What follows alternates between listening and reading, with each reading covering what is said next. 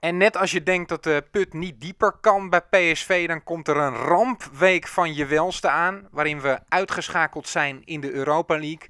En waarin we weer niet hebben weten te winnen in uh, de competitie. Luc, 220 kilometer heb jij teruggereden naar het gelijkspel van uh, Emmen naar Eindhoven. Je hebt erover kunnen nadenken. Hoe lang gaat deze nachtmerrie nog verder? Ik ben bang dat de nachtmerrie, uh, om hem zo maar even te beschrijven, voorlopig nog niet klaar zal zijn. Eén um, ding was wel prettig aan die, uh, die 220 kilometer. Ik heb op de terugweg integraal de uh, kampioenswedstrijd PSV uh, tegen Herenveen kunnen terug luisteren. Want je mag natuurlijk niet kijken, maar luisteren. het eerste kampioensjaar van PSV na zeven droge jaren, laat ik het zo zeggen. En dat zorgde ervoor dat ik om half één s'nachts met kleine oogjes toch nog met enigszins nou, een goed gevoel terug kon komen in Eindhoven. Want wat er in Emmen allemaal te zien was... Uh, wat ik misschien nog het meest pijnlijke eraan vind voor PSV, is dat ik ook amper aanknopingspunten heb gezien. Toch gaan we het er maar over hebben. Niet nou, over die uh, kampioenswedstrijd tegen Herenveen, maar uh, tegen die dramatische wedstrijd tegen Emmen. En die o zo dramatische wedstrijd ook tegen Sporting. In uh, seizoen 3, aflevering 43 van de PSV-podcast. Het is Pablo Rosario die hem in de linkerhoek kegelt, rechts van de keeper.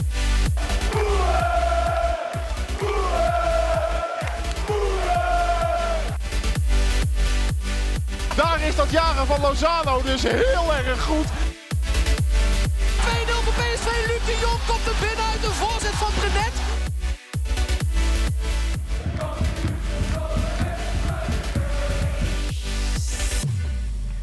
En ook in deze aflevering weer Luc van der Braak natuurlijk van de partij. En tegenover mij Yannick Eeling. Wij zaten samen op uh, de tribune in Emmen. Dat is denk ik de eerste wedstrijd maar die we gaan uh, bespreken. Dat is de wedstrijd die ook het meest vers in het uh, geheugen ligt.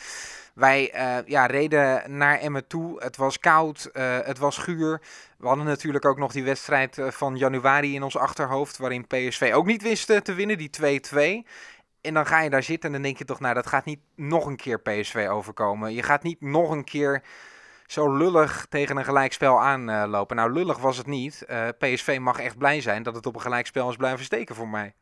Uiteindelijk wel. Uiteindelijk uh, is het niet de ommekeer geweest waar je op hoopte. En ik moet je zeggen dat ik na de kansloze afstraffing tegen Sporting toch wel echt had verwacht dat hier meer zou gaan gebeuren dan er uiteindelijk is gebeurd. En... Um, los van uh, spelopvattingen en, en, en speltechnische dingen die je ziet die niet helemaal goed gaan, is eigenlijk de, de wetenschap dat PSV dus kennelijk door een 4-0 nederlaag niet genoeg gemotiveerd kan worden om hier ten koste van alles een overwinning over de streep te trekken.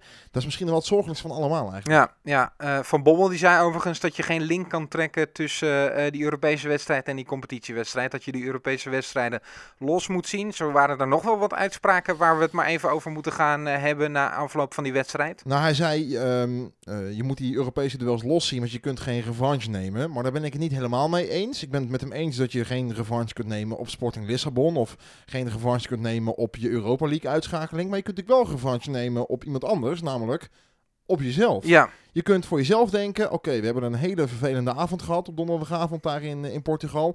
Laten we uh, ons voornemen dat we zondagnacht thuiskomen. Dat we dan in ieder geval voor ons gevoel, um, dat we dat van ons af hebben gespeeld. En dat is niet gebeurd. En dus, ja, uh, wringt die uitspraak wel een beetje, vind ik. Die uitspraken gaan we het over hebben. We gaan het over de individuele prestaties van uh, de PSV'ers hebben. Ook nog over wat die uitschakeling in de Europa League uh, betekent voor PSV. Maar eerst maar even terug naar die wedstrijd zondagavond om 8 uur. Die wedstrijd Emmen tegen PSV, die uiteindelijk eindigde in een 1-1 gelijkspel ditmaal niet Thomas, maar Iataren die in gaat trappen. Die is goed op hoogte, kan maar gekopt worden. Ja, dan gaat die bal daar binnen, zeker. Het is uh, volgens mij Swaap, Swaap die, die hem daar binnen werkt, ja. inderdaad. Met de voet, omdat Emme die bal helemaal mistimed daar achterin. Komt die uh, voorzet van Iataren goed op hoogte. Zeld over de verdedigers van de FC Emme heen. En dan kan Swaap, die daar helemaal vrij staat, een binnenwerken tegen Lekamp uh, gefrustreerd. Omdat hij zich afvraagt waarom niemand daar de verdediger van PSV aanpakt. Maar Swaap werkt hem binnen in de 14e minuut. Is het de Duitser die PSV op een, nou ja, toch wat tegen de verhouding in zijn de 1-0 voorsprong zet. Maar dat zal niet met de Eindhoven omhalen.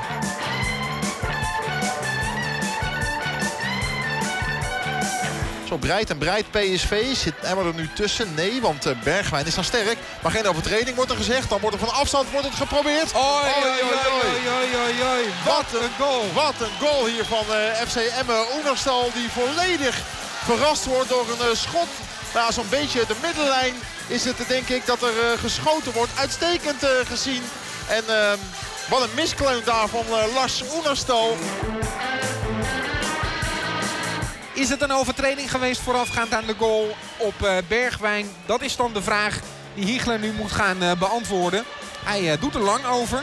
Dat zal betekenen dat er behoorlijk wat twijfel is. Hiegler gaat nu terug naar het veld. Maakt het VAR-gebaar weer en... hij keurt hem Hij af. keurt hem af, hè? Ja, ja. het is een vrije trap. Ja. Geen onwaarschijnlijk mooie treffer voor Emmen. Nu kan Emmen vrij uit voetballen. Gaat die bal over de hele. Moet Sadilek die bal wegkomen. Dat gebeurt niet. Oh, daar gaat 1-1 komen. Wordt die binnengewerkt? Ja hoor. Ja, ja, ja, ja, ja. Sadilek laat zich oh, daar oh, de oh, kaas van het brood eten. En dan is het uh, heel makkelijk uh, binnenwerken uiteindelijk. Het is de actie van Glenn Bell. En volgens mij is het Hiarie die daar binnen kan werken. Het is in ieder geval de 1-1. En PSV mag dit zichzelf aanrekenen hoor. Want wat is dit een inschattingsfout van Sadilek?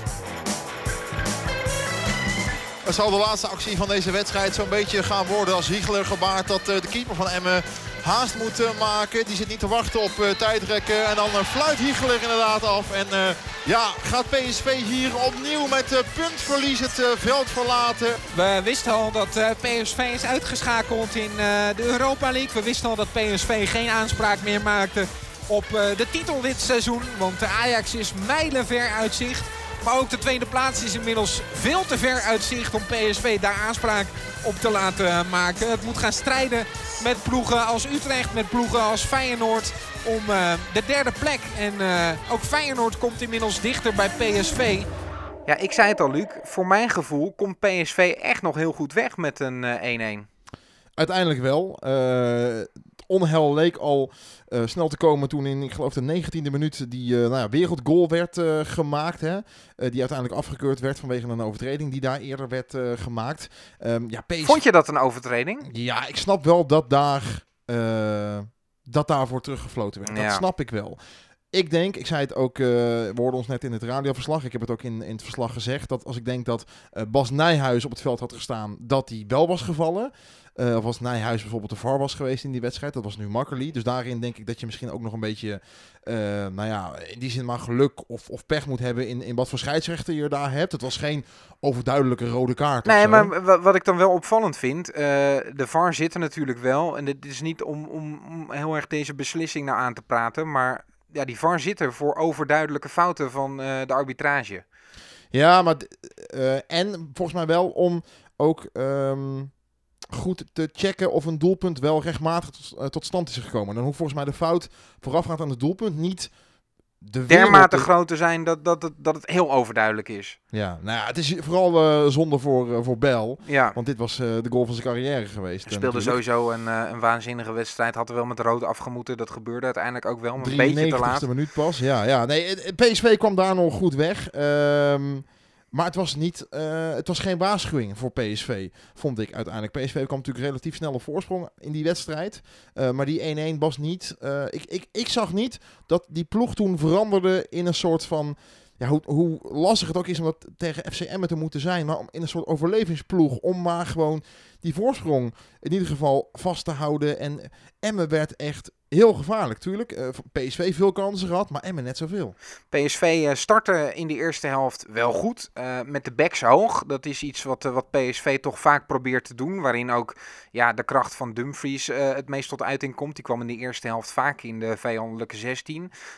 dat probeerden ze op te lossen door Rosario weer wat meer tussen de twee verdedigers te plaatsen. Ja, die zakte heel veel terug hè, in deze wedstrijd. Dat werd heel duidelijk. Moest ook wel, want als ja. je Dumfries en Sadilek zo diep laat spelen, dan, ja, dan is dat echt noodzakelijk. Uh, zo probeerde PSV het in ieder geval in de eerste helft. Uh, Dumfries kwam een paar keer tot een voorzet, waar hij zelfs ook één keer zelf had moeten schieten.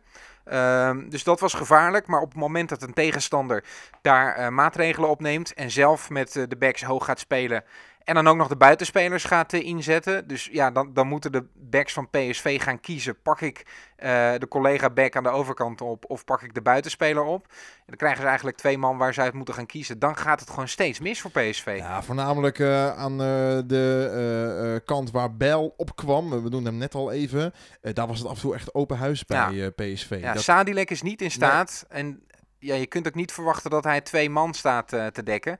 Tegen Lauwersen ging het redelijk. Het is ook niet zo dat die Lauwersen helemaal uit de wedstrijd speelde. Die kwam ook nog aardig uh, een paar keer er voorbij.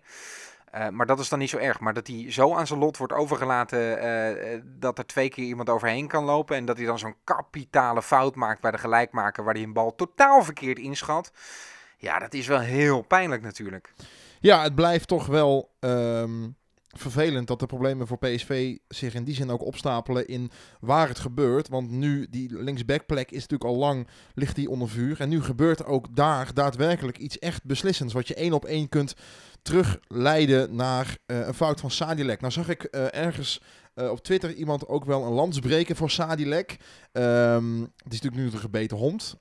en in die zin terecht vanwege die fout. Maar dat blijft natuurlijk wel uh, iemand die in de jeugdopleiding van PSV is verteld dat hij middenvelder zou worden, die er altijd vanuit is gegaan en die nu ja, min of meer tegen zijn zin in ook maar op die linksbackplek geposteerd blijft ja. staan. Je kunt alles van hem zeggen, hij doet wel zijn best, hij, hij rent de longen uit zijn lijf. Um, dus het is voornamelijk voor hem persoonlijk ook heel vervelend dat hij nu ja. deze fout op, op persoonlijk konto uh, krijgt. Ik vind het. Ik, um, Tuurlijk moeten we kritisch blijven, maar het is wel moeilijker om hem zo hard hierop af te rekenen dan wanneer dit een pure linksback was geweest. Nou, ik zei tijdens het commentaar noemde ik hem nog de gelegenheidslinksback van PSV. En toen ja. zei jij, noem jij hem nog steeds een gelegenheidslinksback? Ja, maar dat is natuurlijk niet het geval. Die nee. is gewoon dit hele seizoen de linksback van PSV. Ja. En die heeft zo nu en dan wat tussen haakjes concurrentie gehad van uh, Boscagli en uh, moet het ook even over hebben. Tony Lato, die ik voor het eerst uh, Zag warm lopen. Zag, zag warm lopen. Ja. ja, en, en ik zei dat volgens mij ook tegen jou toen tijdens die wedstrijd. Ik vond dat zo'n raar signaal. Uh, Lato, die meer in opspraak is dan ooit eigenlijk. Want uh, vorige week lekte de berichten uit dat Valencia niet tevreden is met PSV. Omdat uh, Lato niet speelt en ze PSV verbieden om hem een jong PSV op te stellen. En nu liep hij ineens warm voor het nou, ik kan in. me wel voorstellen dat je iemand laat warm lopen in die enorme vrieskou in Emmen. Want het was echt onder nul. Dus als je iemand een beetje rek- en strek oefeningen laat doen, dan kan dat geen kwaad. Maar ik neem aan dat het geen serieuze optie was om hem te brengen. Sowieso was het ook niet de wedstrijd om uh, ja, daar defensief... Want hij liep al redelijk vroeg wel warm in de tweede helft. Was niet het moment ook om hem te brengen. Uiteindelijk is hij ook niet gekomen. Uh, dat wisselbeleid, daar moeten we het misschien zo ook nog even over hebben. Ja, er zijn ook vragen, over binnengekomen. Ja. Uh, misschien dat we eerst even een paar spelers dan moeten uitlichten. Los van Sadilek. Laten we eens beginnen bij waar het allemaal begint. Achterin bij uh, Oenerstal. Nou ja, ik heb hem een uh, zware onvoldoende gegeven. Volgens mij ben jij nog uh, mild voor hem geweest. Je hebt hem een 5 gegeven. Mark, die er nu niet is. En, en ik heb hem een 4 gegeven. en dat heeft ja, met meerdere factoren te maken. Natuurlijk maakt hij een inschattingsfout bij die bal van Bijl. Die uiteindelijk niet fataal blijkt te zijn. Want die goal wordt afgekeurd. Maar daar staat hij veel te ver voor zijn goal. Dat mag natuurlijk niet gebeuren. Daar is hij gewoon niet scherp. ik vond de uittrappen wederom aan de matige kant. Uh, moest vaak wel opstellen en sprong zo'n bal wegrossen. Ja, dat hij dat niet bij een medespeler komt, kan ik begrijpen. Zeker als je Malen voorin uh, in de punt hebt staan. Die won eigenlijk geen luchtduels. Dus dat wordt dan heel lastig. Maar hij liet zich ook wel een paar keer uh, smerig onder druk zetten. En, en één keer was het zelfs wel heel penibel. Dat ik dacht, nou die wordt nu uitgespeeld en dan is het een goal voor Emmen. Dat gebeurde dan niet, maar het ziet er wel twijfelachtig uit hoor. Ja, hij ging uh, toveren met de bal inderdaad in uh, de eigen vijf meter. En dat was allemaal kantje boord. Ja, ik ben gebeurde. toch benieuwd um, hoeveel vertrouwen deze jongen dan nu heeft. Want kijk, het hele elftal is aan de geknachte kant, om het maar licht uit te drukken.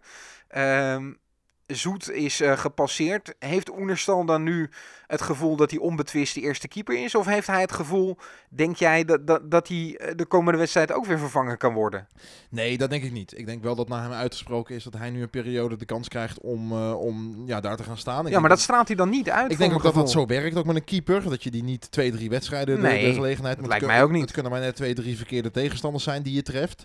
Ehm, nee, hij, hij straalt niet uit wat ik hem ehm, ja, bij VVV wel altijd heb zien uitstralen. Namelijk echt een onpasseerbare, nou ja, bijna leeuw. Hè, met die grote kolenschoppen en die korte mouwen. Ehm, ja, hij zag er kwetsbaar uit in, in lichaamshouding. En natuurlijk, uh, die, die, die misser, uh, dat schot van Bel, was wel redelijk vroeg in de wedstrijd. Daardoor denk ik dat je de rest van de wedstrijd ook niet helemaal meer lekker... Ja, daarvoor had hij al één hele goede redding, Precies. dat wel. Ja, er zijn ook wel dingen beter gegaan, laten we het dan zo zeggen. Um, maar ja, nee, ik, er is niet een, een, wat mij betreft, enorm groot verschil... Um, met Jeroen Zoet te trekken, denk ik. Nee. Los van dat je Jeroen Zoet eerder als onzeker uh, zou betitelen, omdat je hem ook in zijn absolute topfases hebt gezien. En dat hebben we bij natuurlijk bij PSV nog niet in ieder geval. Schuiven we even door naar het centrale duo, waar Schwab weer opdook in het uh, centrum in plaats van uh, Baumgartel die we uh, tegen Sporting bijvoorbeeld weer zagen. Het is echt stuivertje wisselen. Dat is ook niet lekker voor het, uh, voor het vertrouwen in, in zo'n verdediging, toch? Nee, en het probleem is ook dat dat stuivertje wisselen eigenlijk in iedere linie uh, heeft plaatsgevonden de afgelopen weken. voorin ja, kon het niet anders door blessures. Maar ook het middenveld, ja, we komen daar zo meteen. Waar nu weer Thomas speelde. Uh, wat gedwongen, maar goed, daarover zo meteen. Ja, ik, ik, um, het is ook gewoon, eh, gewoon een zwakte bot dat Schwab dan maar weer van stal gehaald moet worden. En dat ook die niet kan overtuigen. Baumgartel is natuurlijk voor veel geld naar Eindhoven gekomen. En uh, die zie ik dan met zijn, uh, met zijn wintermuts uh, warm lopen langs die zijlijn. En dan denk ik, ja, wat, wat, wat is daar dan... Wat is daar misgegaan in, in een aantal weken? Want we hebben dat al eerder benoemd. In die wedstrijd waarin Malen vijf keer scoorde. Ja, daar was hij echt uitstekend. We, wow, wat is hier nu ineens? Ik heb negen gegeven, ja. En hoe, hoe kan dat zo... Ja, toch anders en, en, en minder zijn geworden. En ja, wat wel voor hem dan weer spreekt, dat hij natuurlijk niet de enige speler is waarbij je dat ziet. Nee. Maar wat vooral voor Daniel Swaap echt wel zwaar weegt, is dat hij nu niet voor mijn gevoel kan zijn waar hij denk ik wel voor is teruggehaald. Namelijk ervaring, rotsende branding. En als we hem daar neerzetten, weten we in ieder geval zeker dat we daar geen uh, penibele situaties uh, laten ontstaan. Terwijl, uh, daar was in deze wedstrijd geen sprake van. Nee, nee. ik vond het opvallend dat hij dan wel weer voor Schwab koos. Aan de andere kant, als je in zo'n hoek waar de klappen vallen zit, dan kun je je ook wel weer voorstellen dat Van Bommel voor de ervaring kiest. Maar ja, Schwab brengt dat op dit moment gewoon niet. Dus ik zou dan op mijn beurt voor Baumgartel kiezen, omdat je dan in ieder geval iemand vertrouwen geeft. En, en dat is ook iemand waar je in de toekomst nog het een en ander aan gaat hebben. Nu moet Baumgartel zich weer gaan terugknokken in de basis. Wanneer gaat dat dan weer zijn? Ja, dat zijn allemaal vragen. Ik zou voorlopig Baumgartel weer opstellen. Maar ja, dan, dan ga je de komende wedstrijd weer iemand anders in het veld zetten. Ja, ik denk het ook. Ik denk wel dat je ook uh, op de langere termijn gewoon wel hem de kans moet geven. Omdat Baumgartel iemand is waar je uiteindelijk om de long term nog wel wat aan gaat hebben. En dat is bij Swaap natuurlijk niet het uh, geval. Nee, viergever had jij uh, uh, nog wel een aardig beeld van. Zes heb jij hem gegeven? Ja.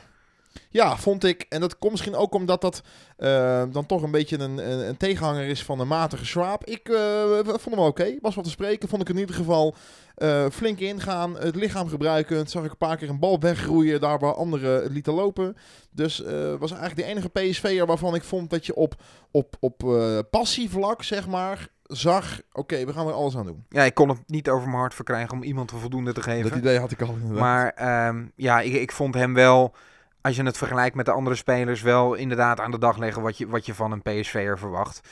Uh, dan dat middenveld. Dan stond achterop dat middenveld inderdaad het uh, duo Rosario-Thomas. Um, in de eerste helft moet ik zeggen dat ik Thomas een aardige uh, wedstrijd vond uh, spelen. Omdat hij wel wat meer tempo in het voetbal uh, bracht. Hij zorgde ervoor dat er snel van kant gewisseld werd. Hij was vaak aanspeelbaar en, en wist dan ook wel weer een oplossing vooruit te vinden. Ehm, dat vond ik goed. In de tweede helft zag je dat als hij onder druk wordt gezet, dat er ook wel wat ballen verloren worden. En, en zeker als die flanken, zoals we net al bespraken, uh, en niet meer open liggen om, om uh, ja, een, een back van PSV in te spelen, dan wordt het een lastige wedstrijd voor, uh, voor Thomas. Dus dat, dat viel me wel tegen, moet ik zeggen. Denk jij dat Hendricks er gewoon had gestaan als die fit was? Nee. Nee, ik denk, die heb ik zien invallen tegen Sporting. Vond ik niet goed. Niet dat ik dacht van, nou, die, die gaat nou eens even in de basis spelen bij PSV. Had jij dat wel verwacht? Het is wel een strijder. Het is wel iemand die de, de, juiste energie erin legt. Maar dat heb ik, heb ik bij Thomas ook. Dan had ik hem misschien nog eerder in plaats van Rosario verwacht eigenlijk. Dat is ook wel pijnlijk, hè? Dat, dat we het hebben over een, uh, een ex-aanvoerder die pas een paar weken zijn band kwijt is.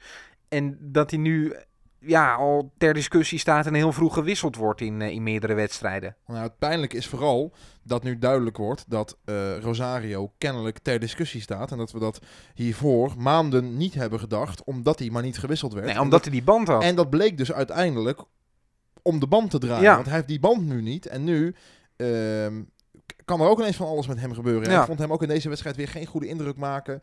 Uh, is ook wel een jongen waarvan ik denk dat als er onzekerheid in de ploeg sluimert, dat hij daar niet per se heel veel beter van wordt en, en daardoor heen kan voetballen. En dan moet je iemand naast je hebben die dat wel wat meer kan.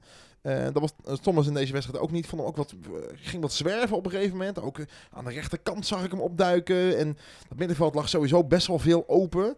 Ehm, ja, het, het, het komt mij ook niet overtuigen. Ruimtes worden groot. Hè? In, in de tweede helft uh, wilde de aanval van PSV wilde aanvallen en de verdediging wilde verdedigen. Het is ook wel logisch, maar ja, ja dan staan ze over het hele veld heen. Goed, dan heb je daar dus Rosario, Hendricks, Thomas en Gutierrez, waarvan je eigenlijk van alle vier niet kunt duiden, die staat er, die zou ik er sowieso neerzetten. Nee, dat is zwakte eigenlijk. Dat is wel heel pijnlijk. Hè? Dat, dat is de as van het uh, veld. Dat is wel waar uh, uh, ja, he heel veel voetballend begint bij PSV. Want van het centrale duur, ja, Viergever heeft af en toe goede inspeelpaas. Maar van de andere centrale verdediger, Baumgartel dan wel Schwab, hoef je dat niet per se te verwachten. via de backs komt er af en toe wat. Maar ja, het, het draaipunt van het elftal ligt toch daar aan de achterkant van het middenveld normaal gesproken. Daarvoor Ihataren, hoeveel ja. dat hij uh, overeind bleef in deze pot? Ja, hij had een goal moeten maken. Hij had echt een enorme kans om de 2-0 binnen te schieten. Ik heb al vaker gezegd dat hij effectiever moet uh, worden. Het is een beetje uh, een impopulaire mening om kritiek te hebben op uh, Iataren. Want we zeggen allemaal hij is 17 en hij gaat er wel komen. Dat vind ik ook en dat weet ik ook. En ik ga hem niks kwalijk nemen. Behalve dan dat hij die 2-0 er niet inschiet. Um, Van Bommel heeft het nu ook zelf gezegd, hè, dat hij 17 is en dat het niet iemand is waar je je aan moet, moet kunnen optrekken. Of die je als excuus kunt gebruiken om, om te zeggen, die speelde niet goed en daardoor... Uh, maar dat is wel moeilijk als je dus, zoals we juist concluderen, over je andere twee middenvelders ook niet. Nee, 100%. Hij, is de, hij is de beste van het middenveld en hij is de beste van die vier voorwaartse. Ja, maar het is dus niet iemand waarvan je kunt zeggen, daar, daar gaan we kritiek op hebben omdat het spel niet loopt of omdat het... Nee. Dat is wel moeilijk, want dan heb je dus in je, in je hele middenveld niemand waarvan je, uh, die, die je durft uit te kafferen, laat ik het zo zeggen. Nee, Nee, nee, precies. Zo, uh, zo is de situatie nu. En dan heb je daarvoor heb je de teruggekeerde Bergwijn en Malen, waarbij Bergwijn ja, een matige wedstrijd speelde. En Malen een slechte wedstrijd. Is Malen nog uh, in de categorie dat je hem een dip uh, kunt laten hebben? Dat je dat, je dat nou ja. kunt accepteren? Of mo moet hij er al meer staan? En is dit, uh, neigt dit naar bijvoorbeeld, natuurlijk niet te vergelijken qua tijdslengte, maar hoe Luc de Jong bijvoorbeeld ooit uit vorm was. Daar werd toen echt hard van gezegd, oké, okay, ja. uit vorm. Nee, maar is dit, stel je voor dat dit nog een wedstrijd of drie aanblijft. Ja, ja, dan nog kun je dat zo daarover zeggen? Of, of is dit het type waarvan je nog kunt zeggen, oké, okay, die dan... is er in essentie pas net, die kun je het misschien ook niet helemaal kwalijk nemen. Nou, twee dingen daarover. Eén, uh, uh, als het nog drie wedstrijden duurt bij Malen, dan is die individuele crisis nog steeds niet zo groot als die enorme crisis die Luc de Jong had. Want daar ge uh, gebeurde echt helemaal niks meer. Dat was helemaal pijnlijk om te zien. Uh, bij Malen heb nee, je okay, af en toe maar daarvan kon je toen zeggen, uh, dat is een speler, dat vinden we een dragende speler. En als hij uit vorm is, dan, dan, dan, uh, dan, ja. is, dan, dan, dat is hem te, te Buiten de hand. Het dus is... zit, hangt Malen niet een beetje ertussenin, voor mijn gevoel. Malen is een speler die wordt opgeroepen voor het Nederlands elftal. waarbij je je nu moet gaan afvragen of dat nog steeds wel gaat gebeuren. Maar die zat er wel Ik gewoon bij. Ik heb wel gezien in het Nederlands elftal. Ja. Uh, ik denk dat Malen een hoger niveau kan halen en veelzijdiger is dan Boadu normaal gesproken. De, dus ik zou zeggen, Malen zou kandidaat zijn voor het Nederlands elftal. Dan moet hij zich op dat niveau ook gaan uh, presenteren. Aan de andere kant moet je er ook wel bij zeggen. Vorig jaar was Malen, ja, aan het eind van het seizoen was hij basisspeler. Maar daarvoor was hij een regelmatige invaller, zoals Gakpo nu is. Ja, moet je daar dan al uh, alles van gaan verwachten? Ja, want uh, als, je, als je het selectiebeleid van PSV ziet dan is uh, de complete verwachting in de spitspositie nu op Malen geënt. We hebben een Mitroglou die geen basisspeler is. Lammers is met een blessure weggevallen. Dan komt dus alles uh, samen in de persoon van Malen. Ja, die brengt het dan niet. Nee. Die Dat is pijnlijk hoor, want dat is de enige optie die je in de punten hebt nu. Ja, Mitroglou eh, maakte wat eh, minuten nog eh, uiteindelijk in deze wedstrijd. Weliswaar naast Malen. Die, hij kwam niet voor Donjan Malen. Scoorde ook nog een aardige goal. Uh, het niet dat dat buitenspel eh, was. Ehm, ja, wat je zegt klopt wel gewoon. Er is geen andere optie. Want over Mitroglou is gezegd... dat is geen basisspeler, is puur pinch hitter. Dus je kunt ook niet nu tegen Fortuna of tegen Feyenoord denken... dan maar iets anders. Want... Ja, Maar hoe- wie dan? hoe ga je dat dan doen? Dan moet je terug naar een 4-4-2, waarbij je dan speelt met Bergwijn en Doan of Bruma. Maar maar- ja, We hebben dus gisteren eh, tegen Emmen hebben we een goal gemaakt. Dat is een ingetikte corner. Maar wie maakt er verder een goal? nee, momenteel weinig mensen. Van wie kun je echte goals verwachten nu bij PSV? Nou, normaal gesproken zou Malen de enige speler zijn van wie het verwacht. Ja, die, die maakt ze nu niet. Bergwijn ook wel, wel maar niet, niet in, in, in Ja, die nou ja. zoals Malen. Nee, dat ben ik ben Die ik maakt twee goals tegen Herenveen, maar dat was eigenlijk voor dit seizoen ook een unicum. Dus het is wel pijnlijk hoor, met het eh, scorend vermogen. Eh, Van Bommel zegt dan ook, we hebben zes, zeven kansen gekregen. Dat klopt.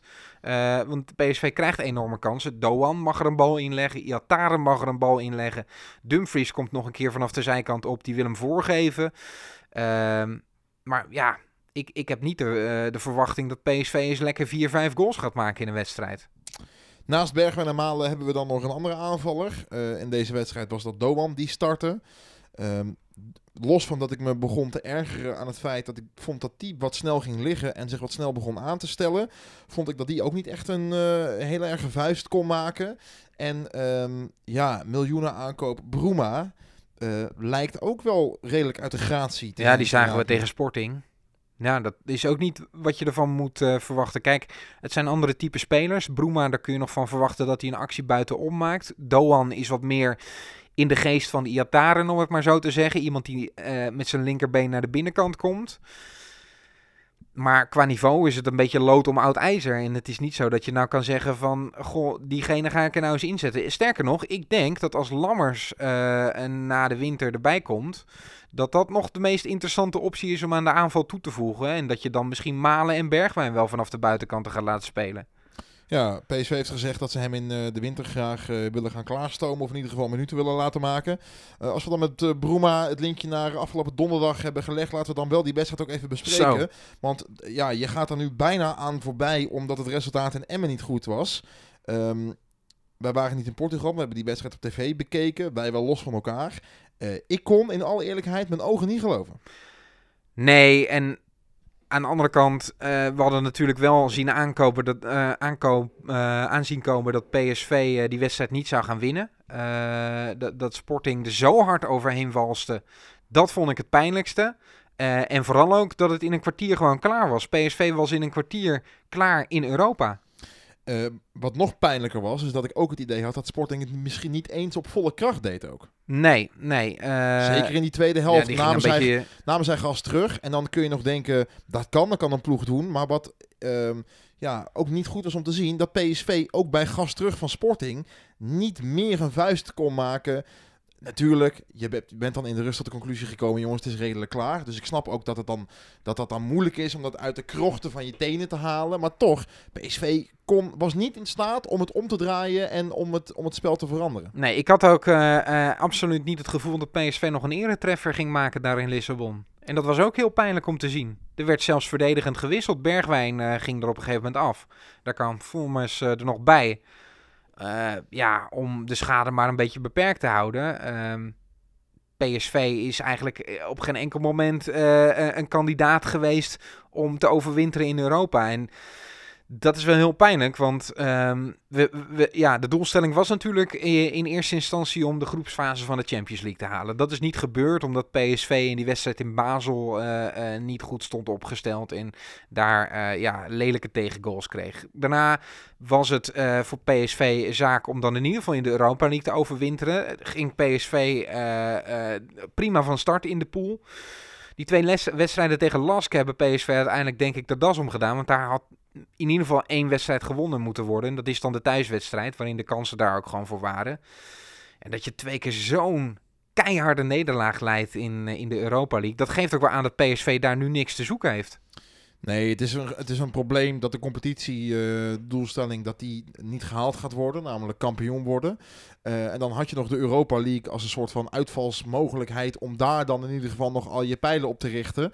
En daar misschien iets in te, te kunnen stunten, een achtste finale, een kwartfinale.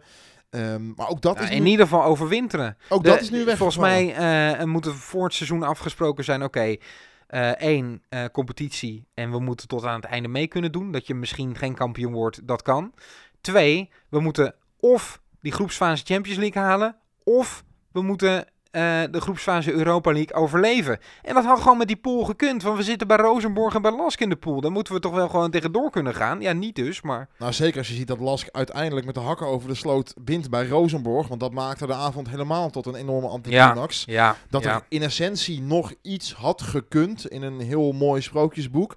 Maar dat uh, Lask daar uh, bij Rosenborg ook nog even een ja, einde natuurlijk. aan maakt, waardoor het helemaal. Ja, maar als je dan ziet dat Lask daar maar met, met 1-2 wint hè, bij Rosenborg. Ja, maar dat Rosenborg, dat stelt toch echt werkelijk waar niks nee, voor? maar als je dan dus ziet dat Lask daar niet even met 4-0 overheen balst, wat ze bij PSV in eigen huis toch wel even wat anders deden, maakt het, het maakt het allemaal zo pijnlijk. En wat dit helemaal pijnlijk maakt, is dat je op sportief vlak, natuurlijk kun je nog kan er een hoop gebeuren. Het wordt straks winterstop. Er zijn nog net zoveel wedstrijden te gaan. Meer zelfs dan wat er nu gespeeld zijn. Maar financieel heeft... Ja, maar uh, wat gaat er op sportief, sportief vlak dan nog gebeuren dit seizoen? Nou nee, je kunt op sportief vlak nog denken... Oké, okay, de ploeg loopt weer. Het wordt leuker. Er wordt meer gescoord. Uh, en dan kun je wellicht nog mooi derde of misschien tweede worden. Maar... Uh, ja. De financiële gevolgen van wat er nu gebeurt, die zijn niet te overzien. Want PSV gaat, nou ja, amper geld trekken uit de Europa League, doordat men nu gestrand is. Uh, en Ajax, on the other hand, ja, daar blijft het geld maar binnenstromen. Ja, volgens dus, mij hoeven we die vergelijking niet eens meer te maken. Nee, ja, maar dat is wel, dat is wel een, een pijnlijk probleem, wat wel nu al ontstaan is. En we kunnen wel nu denken van, oké, okay, er is nog alle tijd en ruimte om de ploeg weer aan het voetballen te krijgen. Dat is allemaal wel waar. Maar het is allemaal hartstikke leuk als je begin maart een leuke wedstrijd tegen ADO speelt in de, in de competitie. Maar als Ajax op dat moment kwartfinale Champions League speelt, of halve finale. Nou, maar volgens mij moeten wij ons gaan vergelijken met ploegen die nu doorgaan in de Europa League. En wij dus ja, niet. ik vind, ik vind wel wat ver om, om dat nu... Uh, op basis van dat het nu een dikke crisis is, om je dan nu meteen nou, niet meer te gewoon... willen verenigen met ploegen als Ajax. Nee. Alleen de, de consequenties moeten wel nu al ingezien worden. Waar het me om gaat is dat PSV wel gewoon in staat moet zijn om het niveau te halen. Dat je de groep in de Europa League gaat overleven. En we hebben een selectie die daar dus niet toe in staat is en een staf. Dat is wel heel matig. Wij zouden, het moet, wij zouden onszelf moeten vergelijken nu met Lask, hoe pijnlijk dat ook is, met pak een beet uh, uh, uh, AZ, die op een creatieve manier toch een maximaal resultaat uit hun ploeg halen. En wij zijn gewoon niet in staat met beter materiaal om dat voor elkaar te krijgen. Dan um, wordt er al snel gewezen naar de trainer. Um, laten we even doornemen wat uh, Mark van Bommel te zeggen had over uh, de wedstrijd Ja. afgelopen zondag voornamelijk. Daar waren we benieuwd naar. We zaten in de auto onderweg uh, nou, terug naar het zuiden. En toen hoorden we op Radio 1 hoorden we uiteindelijk Mark van Bommel nou ja, zijn zegje doen over deze wedstrijd. En um, laat ik het zo uitdrukken, dat strookte niet helemaal met het beeld dat wij hadden van de wedstrijd. Ik vind dat we voor de gek worden gehouden. Door de uitspraken van de trainer nu. Ja, want... ik, ik, voor elke uitspraak uh, kun je wel iets zeggen. En je kunt uh, uh, misschien zeggen dat ze kloppen. Maar als je een beetje redelijk naar de situatie van PSV kijkt en hoe er gespeeld wordt, dan zijn ze compleet belachelijk. Toch of niet? Nou ja, Ik zal er even een paar noemen. Hè? Ja. Dan hebben we uh, ook daadwerkelijk uh, het praatje erbij. Ja, misschien ga ik er te veel met gestrekt been in. Maar nee, ik ben er, niet. Zo, want ik, ik zo heb... onderhand ben ik er wel klaar mee. Nee, met- want ik heb ook naar de radio zitten luisteren en, en gedacht, dit moet een interview zijn van een andere wedstrijd. Um, een paar uitspraken. De eerste helft, het gaat over Emmen voor de duidelijkheid. De eerste helft was uitstekend. De technische uitvoering was heel erg goed. Balvast, de juiste keuzes. In de tweede helft heb je dat minder.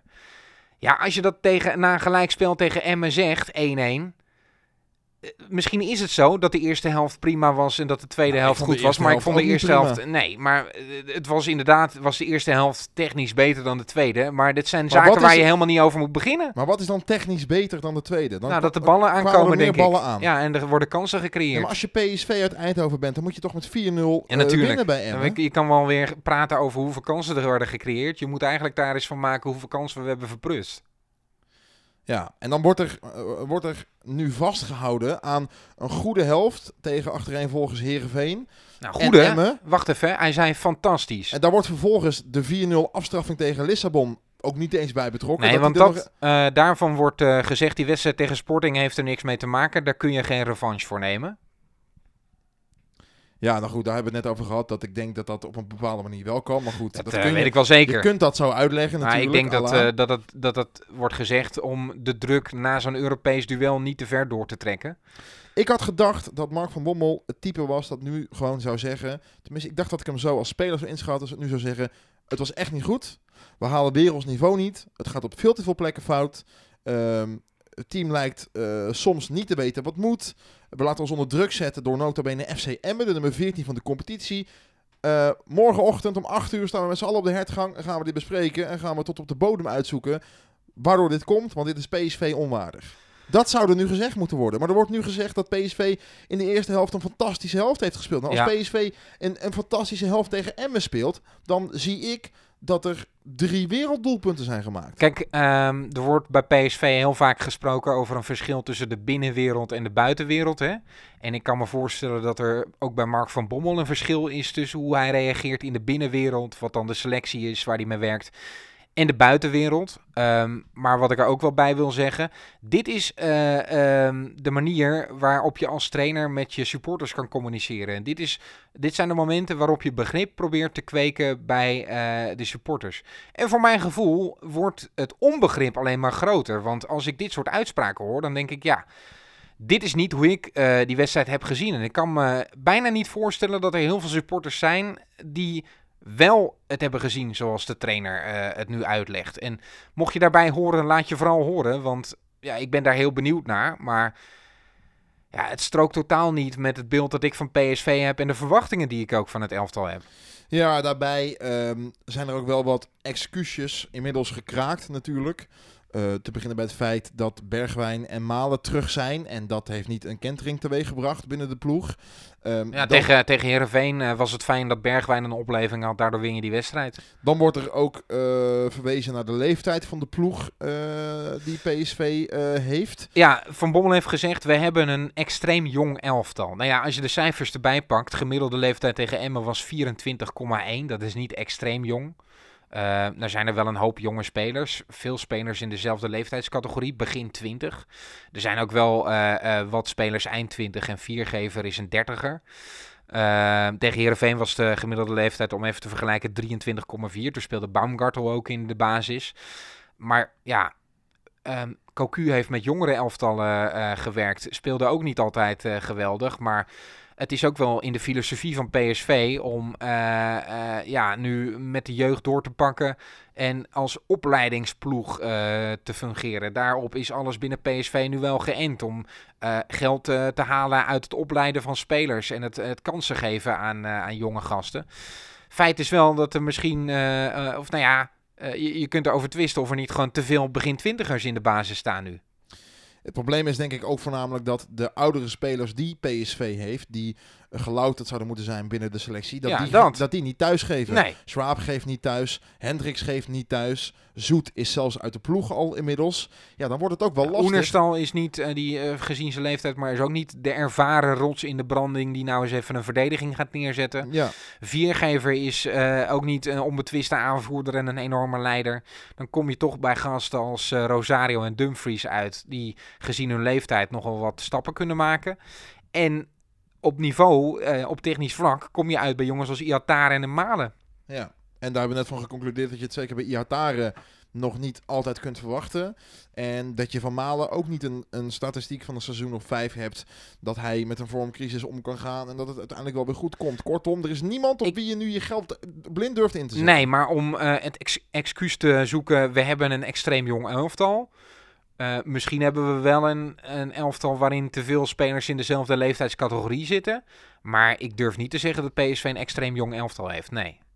Dan eh, is er ook nog verwezen eerder deze week naar eh, het feit dat er een aantal nou ja, daadkrachtige spelers bij PSV zijn vertrokken.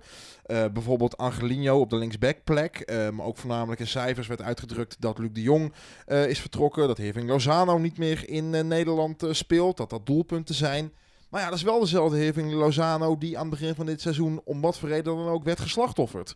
Dus om daar dan nu op terug te pakken als zijnde, Ja, die, die is er niet meer. nee. D- Dat, Hoe, hoe vaak ik die vorig jaar niet heb uitgescholden, eh, omdat die die... speelde eh, vorig seizoen ook heel matig. Zo. Nou, dat was gewoon Maar niet te waarom doen. wordt er niet gewoon gezegd door PSV, luister, het is niet goed, het zit niet goed in elkaar. We doen er alles aan om het, om het tijd te keren. We zitten dag en nacht met ons hoofd bij dit probleem. Maar we, we, we kijken ernaar en we doen er alles aan. Nou ja, Ik wil Van helemaal Bommel... niet horen dat, dat Lozano vertrokken is Nee. en dat dat zo'n impact heeft op de groep. Een half jaar nadat hij vertrokken is. Kijk, Van Bommel zegt wel eh, dat de spelers er alles aan doen. Dat zij eh, de energie uitstralen die eh, je wil, het plezier en dat ze er alles aan doen. Iatare heeft dat overigens ook gezegd na afloop van de wedstrijd. Ja. Die zei, het ligt niet aan Van Bommel, het ligt aan de spelers. Die trok dat heel erg naar zichzelf, CQ, de spelersgroep toe. Die nam dus Van Bommel ook in bescherming daarin. Eh, dat moet wel gezegd worden, vind ik hoor. Dat spelers wel uitspreken dat ze achter hun, hun coach staan. Ik vind wel dat dat... Nou ja, we- dat, dat vind ik ook wel interessant. Ehm, wij weten natuurlijk niet hoe dat in de kleedkamer gaat. Maar de spelers die wij eh, eh, horen, zijn de spelers die op de lange termijn voor PSV hopelijk hun waarde gaan hebben. Dan heb je het over Dumfries, Iataren en misschien Bergwijn, Malas nog een tijdje blijven. Ehm, maar ik ben wel benieuwd, en dat gaan we niet te horen krijgen, of Gutierrez zoveel vertrouwen heeft in eh, Van Bommel. En hoe dat met Pereiro zit. En of Mitroglou een beetje blij is met de 10 minuten die hij mag invallen in Emmen. Ja, is interessant. Is interessant. En het eh, tekent PSV dat eh, dit soort dingen niet uitlekken. En dat er weinig Nee, dat is ook de, grote kracht van PSV. Zeker, daar zijn we sterk mee geworden, Ehm, absoluut. En, en, en dan vind ik het wel een goed signaal dat zo'n speler als Iatare dan, ja, Ja, graag. Eh, de- die spelers moet je, moet je binnenboord houden. Dus eh, zeker, laat die vooral tevreden zijn. precies. Ehm, feit is dat PSV eh, acht van de laatste negen wedstrijden niet gewonnen heeft. Ehm, het, het zijn hele pijnlijke cijfers. En als je dan eh, kijkt naar eh, de doelstellingen, we hebben het net daar al over gehad. Ehm, Europa is klaar. Eh, de competitie, eh, wat de titel betreft, is het klaar. De tweede plek is ver uit zicht. Wat moet nu dan het doel van dit PSV worden? Wordt dat het bouwen aan een elftal voor volgend seizoen? Wordt dat nu nog proberen om de tweede plek te halen? Wordt dat nu nog proberen Feyenoord, eh, Utrecht, eh, Willem II van je af te schudden voor de derde plek?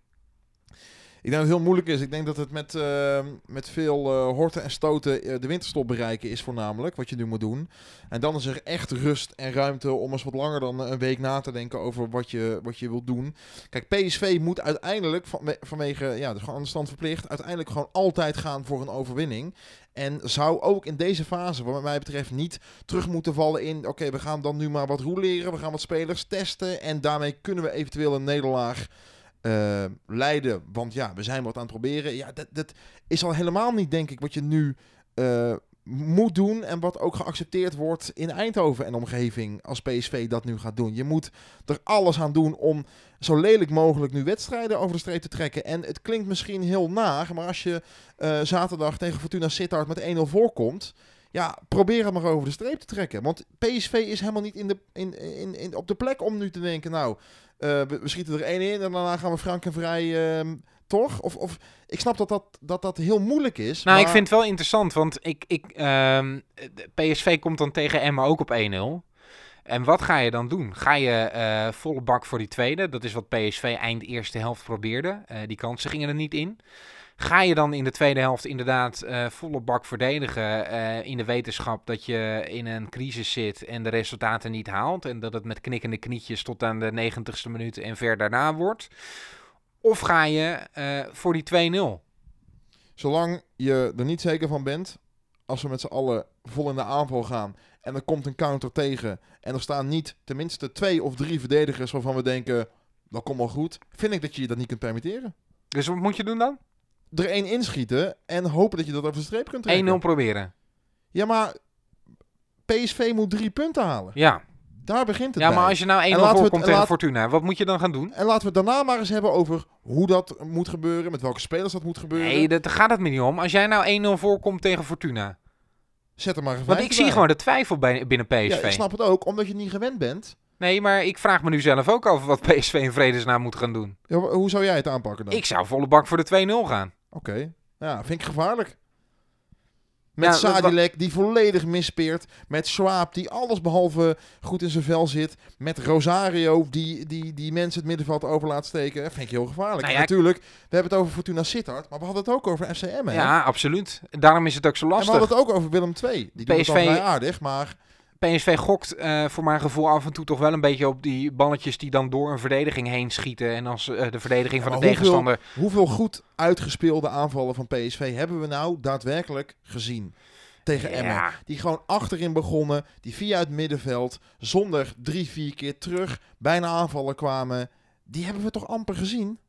ja, die zijn op één hand te tellen. Er staan iedere week andere mensen op het middenveld. Ja. Nee, eh, absoluut. En- Ehm, en maar je, ik, kunt, je, weet- kunt wel wat, lange, ik, je kunt lange ballen gaan spelen. Maar op wie ga je lange ballen spelen? Op Malen? wat ik probeer te schetsen is dat die eh, twijfel natuurlijk heel groot is bij PSV. En dat is heel moeilijk om dat om te draaien. Kijk, Ja. als jij eh, eh, van de afgelopen negen wedstrijden niet, de acht had gewonnen, dan ga je voor die 2-0. En PSV moet toch, en dat is wat Van Bommel altijd zegt, eh, onverstoorbaar blijven. En dan moet je nu ook toch maar voetballen zoals je zou voetballen als je acht keer had gewonnen. Ja, maar eh, PSV bleef toch tegen Willem II ook onverstoorbaar. En bleef toch tegen Emmen ook onverstoorbaar. En dat werkt dus niet. Nee, dus moet je maar... Dus waarom zou dat dan nu ineens wel gaan werken? Kijk, Cocu eh, die eh, wisselde af en toe van formatie en die voelde aan in een wedstrijd of er een verdediger bij moest komen om een resultaat over de streep te trekken. Dat soort wissels zien we onder Van Bommel niet. Van Bommel houdt vast aan een eh, 4-2-3-1 slash eh, 4-3-3. Eh, blijft daar eh, tot aan het einde van een wedstrijd eh, ja, geloof in houden. Al zagen we in het begin in die wedstrijd tegen Emmen wel iets waarbij ja, een soort andere tactiek was met, met drie aanvallers op een kluitje voorin, met Iataren daar wat achter en met de backs heel hoog. Maar echt een verandering van systeem hoeven we toch niet te verwachten, Luc? Ik denk het niet. Nee. Nee. Ehm, we gaan zo dadelijk vooruitblikken verder op die wedstrijd tegen eh, Fortuna, ook aan de hand van eh, de statistieken. Er zijn heel veel vragen ook eh, binnengekomen naar aanleiding van de resultaten van PSV. Ja, en ik denk toch dat we de olifant in de kamer maar gewoon moeten gaan benoemen, Luc. Ehm, ik vind niet dat wij in de positie zijn om aan de stoelpoten van Van Bommel te zagen. Ik vind ook, we- i- i- als ik voor mezelf spreek, ik ben absoluut niet uit op een vertrek van de trainer. Ik denk dat PSV juist altijd een ploeg is die eh, of, of een club is die gebaat is bij rust, bij regelmaat en, en, en, niet te veel opgestookte vuurtjes. Maar aan de andere kant vraag ik me wel af, hoe lang dan nog? Wanneer is dan het moment? Nou ja, ik vind ook eh, dat Van Bommel ehm, in die zin tijd moet krijgen en moet kunnen omgaan met deze eerste echte crisis in zijn eh, loopbaan. Maar ehm, er moet wel gestopt worden met het eh, alles maar verheerlijken, terwijl iedereen ziet dat dat niet zo is. Kijk, ehm, Wees kritisch naar jezelf. En dat kan iedereen in Brabant echt wel hebben hoor. Als je gewoon zegt, joh, het was vandaag helemaal niet goed. We weten het allemaal. We zijn er dag en nacht mee bezig. En morgenochtend gaan we er weer aan werken. Dat is veel sterker dan zeggen, we hebben twee waanzinnige helften gespeeld tegen Heerenveen en Emmen. Want iedereen denkt, dat kan wel zo zijn. Maar het is 1-1 tegen Emmen. En tegen Heerenveen werd het ook nog heel penibel. maar wat is dan het moment dat je zegt van nou, nu kan het niet meer? Nou, ik vind dat heel moeilijk om te beoordelen. Ik denk dat je sowieso met Mark van Bommel de winterstop gewoon moet halen. Wat er ook gebeurt. Ook al heb je tegen Fortuna weer een zepert. Wat heeft het nou voor zin om nu begin december dan maar aan de noodrem te trekken? Ik denk dat je dat niet moet doen. Ik denk dat je daar niks mee uithaalt. En dat de onrust alleen nog maar groter wordt. Eh, en ga maar gewoon met elkaar om de tafel. En ga maar tegen Van Bommel zeggen... ehm, waar heb je behoefte aan? Moet Bert van Marwijk weer eh, twee keer meer eh, zijn shirtje aantrekken? Moeten we Guus Hiddink gaan bellen?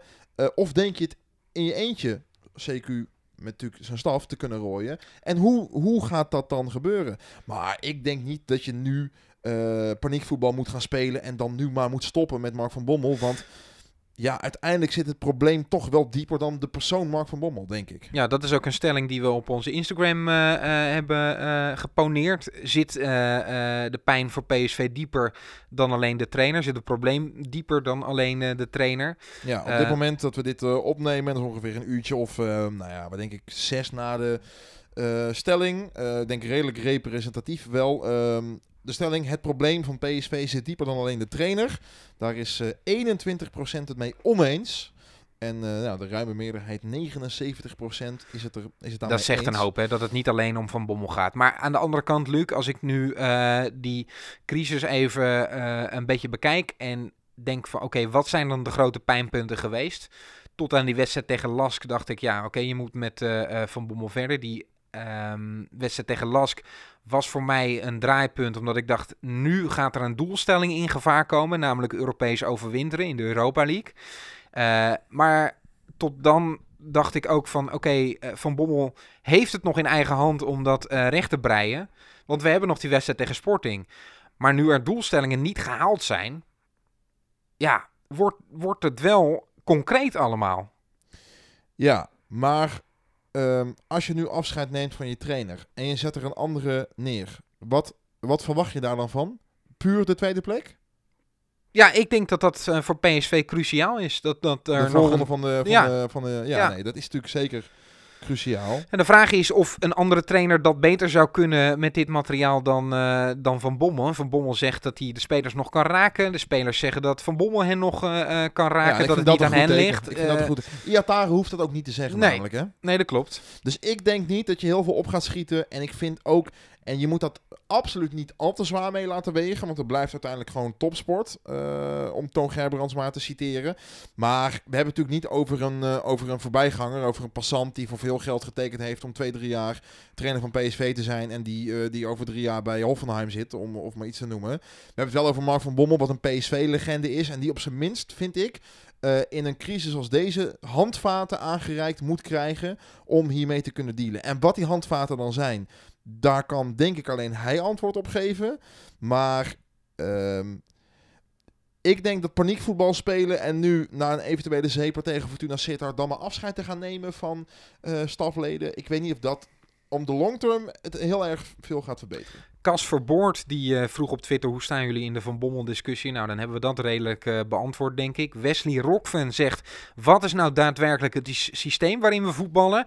En wat is vooral het idee erachter voor onze jongens het veld opgaan? Nou ja, aan het begin van de wedstrijd tegen Emmen, zoals gezegd, werd er een systeem gehanteerd waarin de backs hoog stonden. Maar als die twee man tegenover zich krijgen, dan wordt er teruggeschakeld naar een 4-3-3 slash 4-2-3-1 systeem. En zeker als er een tegenslag komt, weet PSV uh, daar niet mee om te gaan. Worden de ruimtes op het veld groot. Dus wat het idee is, uh, zoals net ook al gezegd, dat, dat is ook heel lastig. Want wat wil je verder? Wil je uh, voor die 1-1 gaan? Wil je de 2-1 nog maken? er was zelfs discussie over of Oenerstal mee moest bij die laatste vrije trap in de dying seconds. Hesp, de keeperstrainer van PSV, vond dat Oenerstal moest blijven staan. Van Bommel, uiteindelijk de eindverantwoordelijke, vond dat Oenerstal mee moest. En zo geschieden. Maar dat tekent wel hoeveel twijfel er is binnen de selectie en ook binnen de staf. Zag iemand een ruit op het middenveld opperen? Ja, hebben we het meerdere malen over gehad. Maar ik denk niet dat, dat we nou een systeemswijziging uh, Maar denk je niet, we hebben het net gehad over die kant uh, waar, uh, waar Bel liep tegen Emmen, die helemaal open lag. Denk je niet dat daar, dat daar dan misschien ja, winst kan liggen? Nou, ik denk... Dat je dat eerder afvlakt? Ik zag op een gegeven moment ook dat uh, Bergwijn wat meer in de as ging spelen. En dat Malen hem dan moest gaan opvangen. Maar daar leek mij de taakverdeling ook niet helemaal duidelijk. Normaal gesproken uh, waren de buitenspelers van PSV uh, verantwoordelijk voor het opvangen van de opkomende backs. Uh, je kan niet van de backs van PSV verwachten dat ze en de backs van de tegenstander en de buitenspelers opvangen. Nee. Dus dan moet de buitenspeler van PSV meelopen met de back. Ja, het gebeurt niet. Nee, het gebeurde te weinig. En daardoor, we hebben het al benoemd, kreeg Sadilek te vaak een overtal situatie. Um, Jonathan Griffioen dan, die zegt... Denken jullie dat Gerbrands en de Jong niet ingrijpen... omdat de aandacht daarna op hun potentiële wanbeleid gaat worden gericht? Tot nu toe blijven ze redelijk buiten schot. Nou ja, uh, uh, het gaat behoorlijk over dat de aankopen niet renderen. En als je de basis uh, van PSV zag tegen Emmen. Zelfs Baumgartel staat er niet meer op. Boscanji en Lato staan niet in de basis. Bruma staat niet in de basis ja, Doan speelt dan wel, maar speelt absoluut niet briljant. Dan heb je de aankopen wel zo'n beetje gehad. En, nee, we eh, zeiden dat onderweg. Er zijn, uh, nou, pak een beet acht aankopen. En daarvan speelde er eigenlijk opgeteld eentje afgelopen zondag. Namelijk Doan, twee derde van de wedstrijd. En Mitroglou kwam. Ehm, maar, maar verder was er niet heel veel nieuws. Ik vind uh, bandbeleid wel wat vroeg om dat te benoemen. Want Toon Gerbrands uh, zat er ook in alle jaren dat PSV uh, successen boekte. Sterker nog, bijna iedereen in Eindhoven vindt hem de reden van de successen. Dus ik vind niet dat je nu een minder jaar, dat dat ineens dan bandbeleid van Toon Gerbrands is.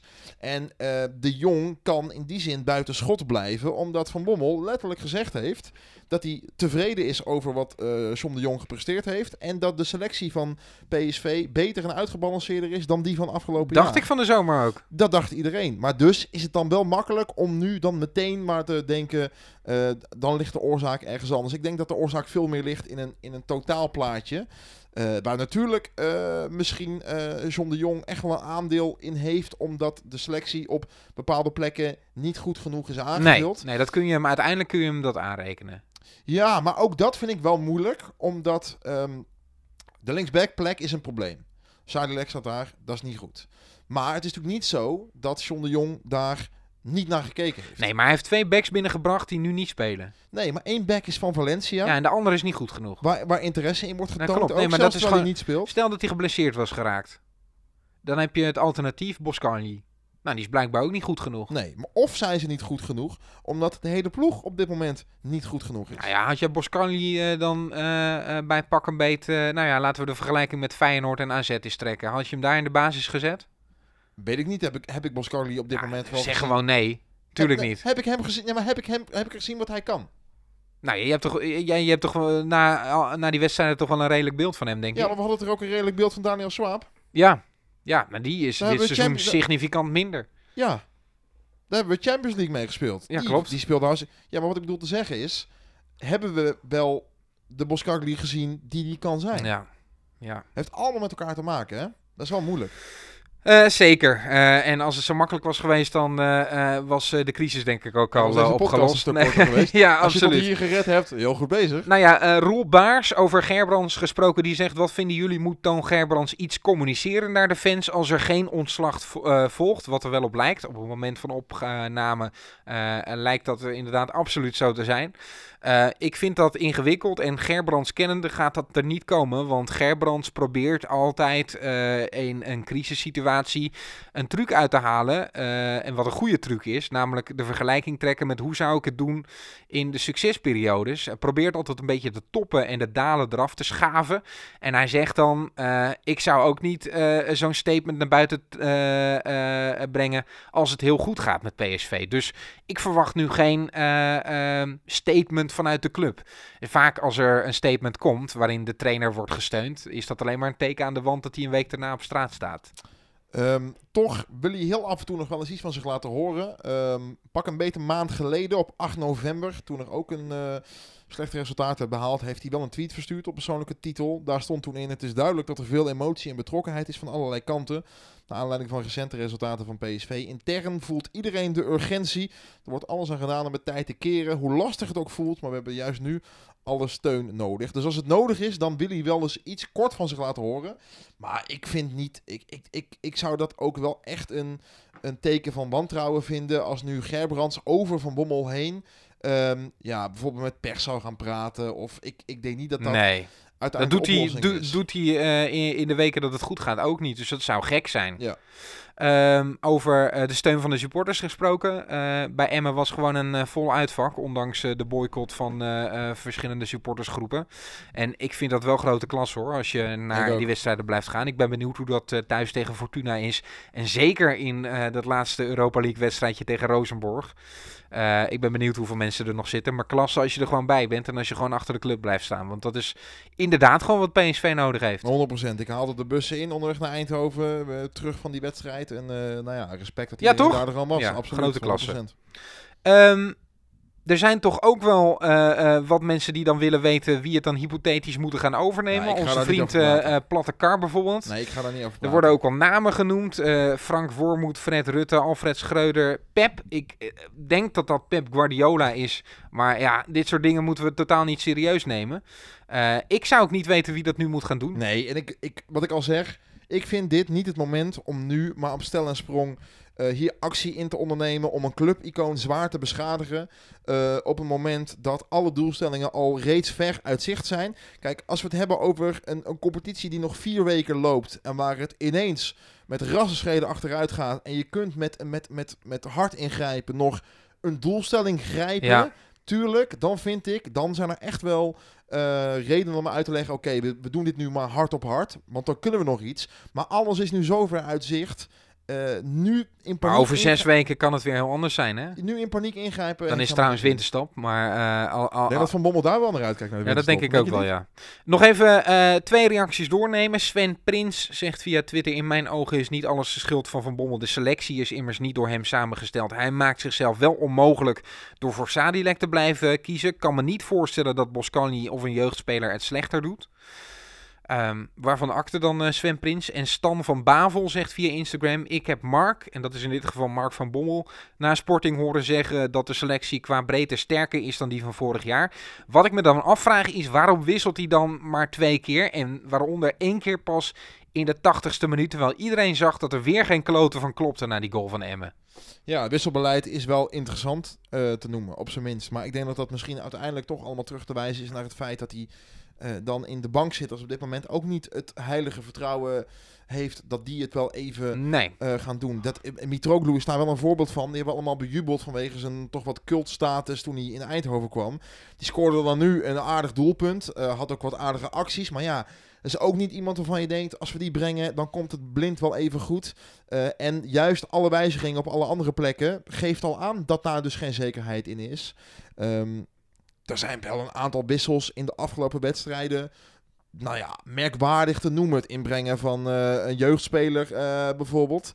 Eh Uit Balask. uit. Balask. Ja, Ja. dat is wel twijfelachtig. Want wat denk je daar dan mee te ehm, bereiken? Ja. Ehm, ik, ik vind het zelf wel gek dat je pas va- vanaf de tachtigste minuut met een ander plan gaat spelen. Kijk, Gakpo kwam erbij, eh, die overigens dreigend eh, was. Maar de echte aanvallende impulsen kwamen toen Mitroglou erin kwam. Ja. En dat is wel aan de late kant. Zacht uitgedrukt, hè?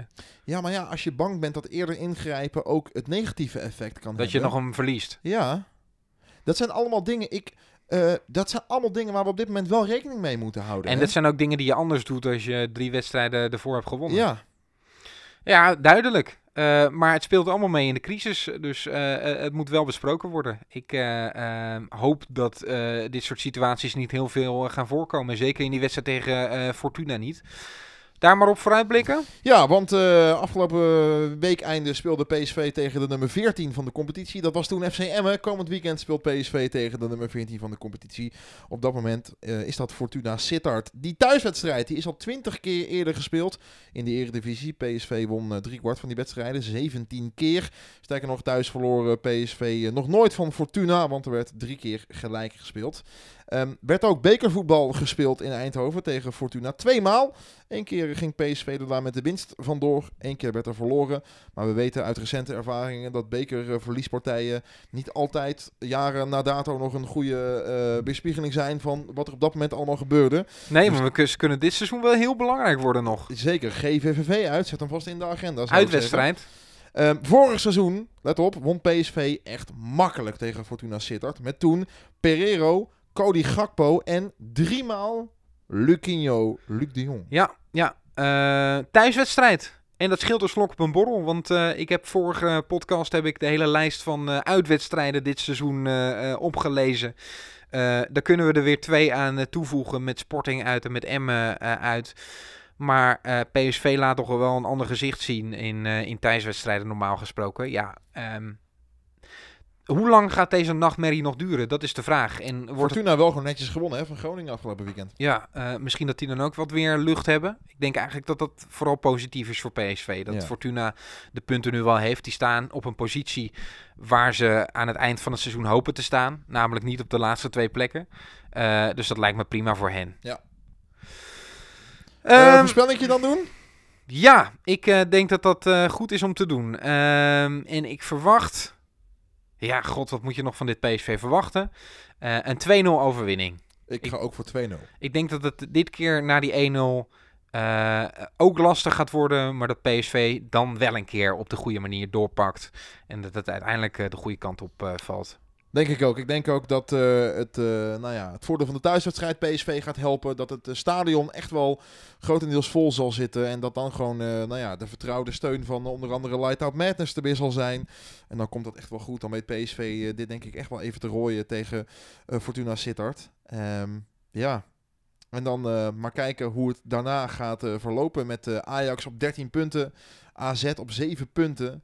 Het zijn uh, bijzondere tijden om PSV te volgen. Absoluut. Uh, laat weten wat je van de podcast vond. Uh, bijvoorbeeld in de comments, Twitter, Instagram, Soundcloud. Dat zijn bijvoorbeeld de plekken waar je kunt reageren. Je kunt ook een recensie achterlaten. Dat kan dan via iTunes of via een andere podcast-app waar je naar ons uh, geluisterd hebt. En laat ook vooral je input weten voor de volgende podcast. Laten we hopen dat we dan een uh, wat vrolijker uh, situatie bij PSV hebben aan de andere kant. Um, qua positie op de ranglijst en qua doelstellingen zal daar niet heel veel in veranderd zijn. Maar weer een winstpartij zou even wat lucht geven, denk ik.